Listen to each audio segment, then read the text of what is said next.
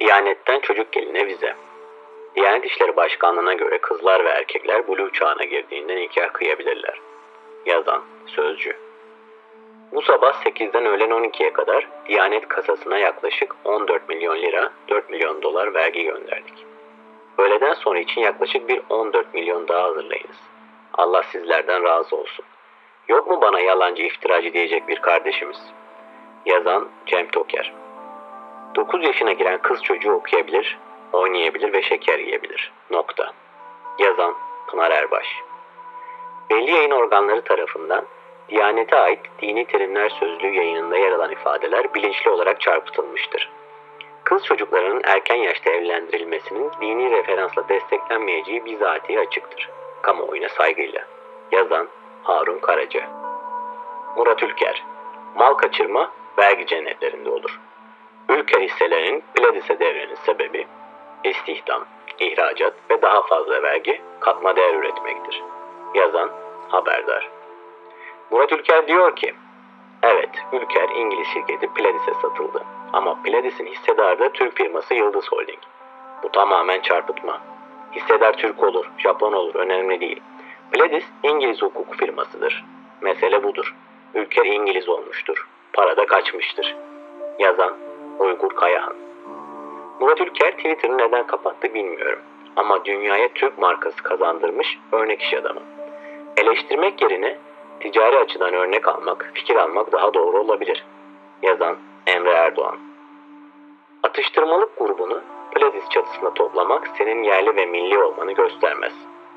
Türkiye'de ürettiğin ürünün katma değerini ve vergisini Pledis hangi ülkeye kazandıracak Bay Murat Ülker? İnsanların zekasıyla alay etme. Yazan Orhan Baylan. İçişleri Bakanı Soylu'dan polislere talimat. Uyuşturucu satanın ayağını kırıp suçu bana atın. Yazan Duvar. Uyuşturucu satıcısı da olsa ayağını kıramazsın. Suçtur. Satıcı son halka. İlk önce sınırlarından içeri girmesini, girmişse dolaşımını kendi ülkende üretimimi engelleyeceksin. Son halka olan satıcıya kadar ulaşımını engelleyememişsen ayağını kırmadan yakalayıp adil yargılayacaksın. Yazan Sezgin Tanrıkulu. Kolluğun görevi suçlunun ayağını kırıp emri İçişleri Bakanı'ndan aldım demek değildir. Kolluk kuvvetleri kişinin suçu ne olursa olsun işkence yapamaz, darp edemez ve her şeyden öte kendisini yargı yerine koyarak ceza kesemez. Hele hele bu eyleme mülki amirinin referans hiç gösteremez. Yazan Emre Erciş. İçişleri Bakanı Sayın Süleyman Soylu okul önlerinde uyuşturucu satışının engellenmesini istiyor. İfadesi de, kastı da belli. Bundan rahatsızlık duyanlar ne demek istiyor? Bırakalım okul önlerine eşkıyalar istila etsin? Nasıl bir kafa bu?